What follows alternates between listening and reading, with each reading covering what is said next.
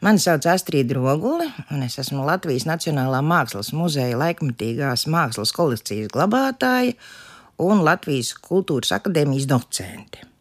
Un mans jautājums šodien ir, vai jūs zināt, ka septembra beigās pasaules slavenajā Pompidou mākslas centrā notika divu izcilu latviešu mākslinieču, Ievas Epneres un Katrīnas Neiburgas video darbu skate? Ieva Epnere piedalījās arī sarunās, kas notika Pompidou centrā.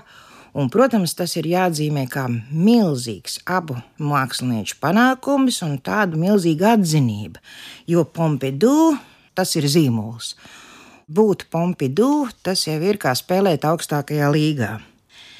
Mūsdienās Pompidou centrs patiešām ir ne tikai pasaules slavena kultūra telpa, bet arī arhitektūras zīme, Pompidou centrs ir kļuvis par jau tādu kulta celtni. Ne tikai ar savu saturu, bet arī ar savu fasādi, kurā ir tāda cauruļu jūra un cauruļu elevātori, cauruļu komunikācijas.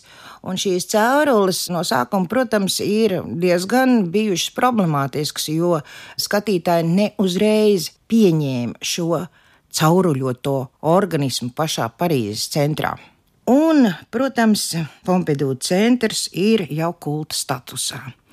Bet līdz šim statusam bija garš ceļš ejams.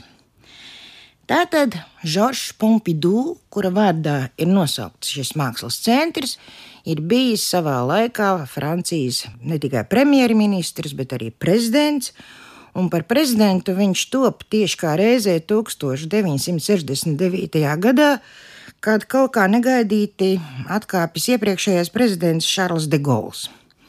Bet Pompidou jau sen nesā sevī tādu lielu sapni uzcelt laikmetīgās mākslas centru. Un kļūdams par prezidentu, nu, tad viņam ir visa vara rokās, lai sasauktu starptautisku konkursu, iecelt desmit žūrijas biedrus. Bija tāds nieks vien, bet nu, tiem nabaga žūrijas komisijas locekļiem vajadzēja izskatīt 681 projektu. Un pašā beigās, balsojot 9 pret 1, uzvar pavisam jauni puiši. 33 gadus vecais Renzo Piano un dažus gadus vecākais Ričards Rodžers un sākas Pompidou celtniecība. Bet ar to celtniecību neiet visai labi, jo viena ceturtā daļa, kad ir uzcelta, tad Žoržs Pompidou dodas viņa saulē un uzreiz parādās virkni problēmu. Pēkšņi arhitekti vienojās tādā kopīgā protestā pret šo centru, jo lūk, šis centrs apdraud eh, Parīzes vēsturisko vērtību un Parīzes administratīvā tiesa paziņo par kultūras centra slēgšanu.